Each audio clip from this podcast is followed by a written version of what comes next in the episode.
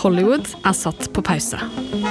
Some top American chat shows and TV programs could fall off air after Hollywood film and television writers failed to agree a new deal with studios such as Disney and Netflix.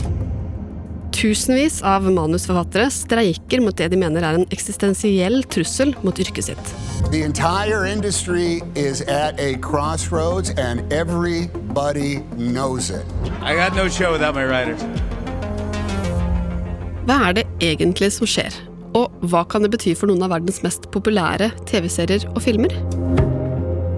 Dette er bare én av episodene Oppdatert har å by på denne uka.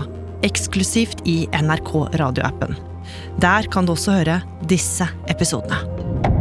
Det er den dødeligste ulykka i klesbransjens historie. Det var et event som shocked verden og and mange av de the i in which so many rundt worn i verden er are manufactured.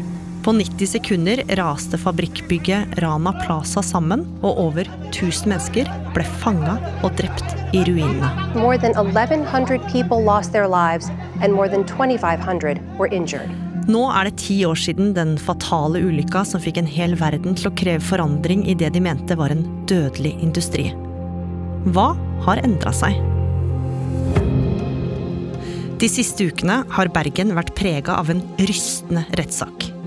Flere unge menn sitter på tiltalebenken, anklaga bl.a. for gruppevoldtekt. Men den tøffe rettssaken blir stadig avbrutt. For det er ikke bare dem som sitter i salen, som følger nøye med. Det har jo vært folk som har kommet i retten da, utelukkende for å filme, dele, fortelle hva som skjer. De spøker med denne saken sjøl i sosiale medier, det blir delt videre. Navn og bilde fra tiltalen spredd på nett. Rettssak stoppa for andre dag på rad. Og nå er det mange som begynner å bli bekymra.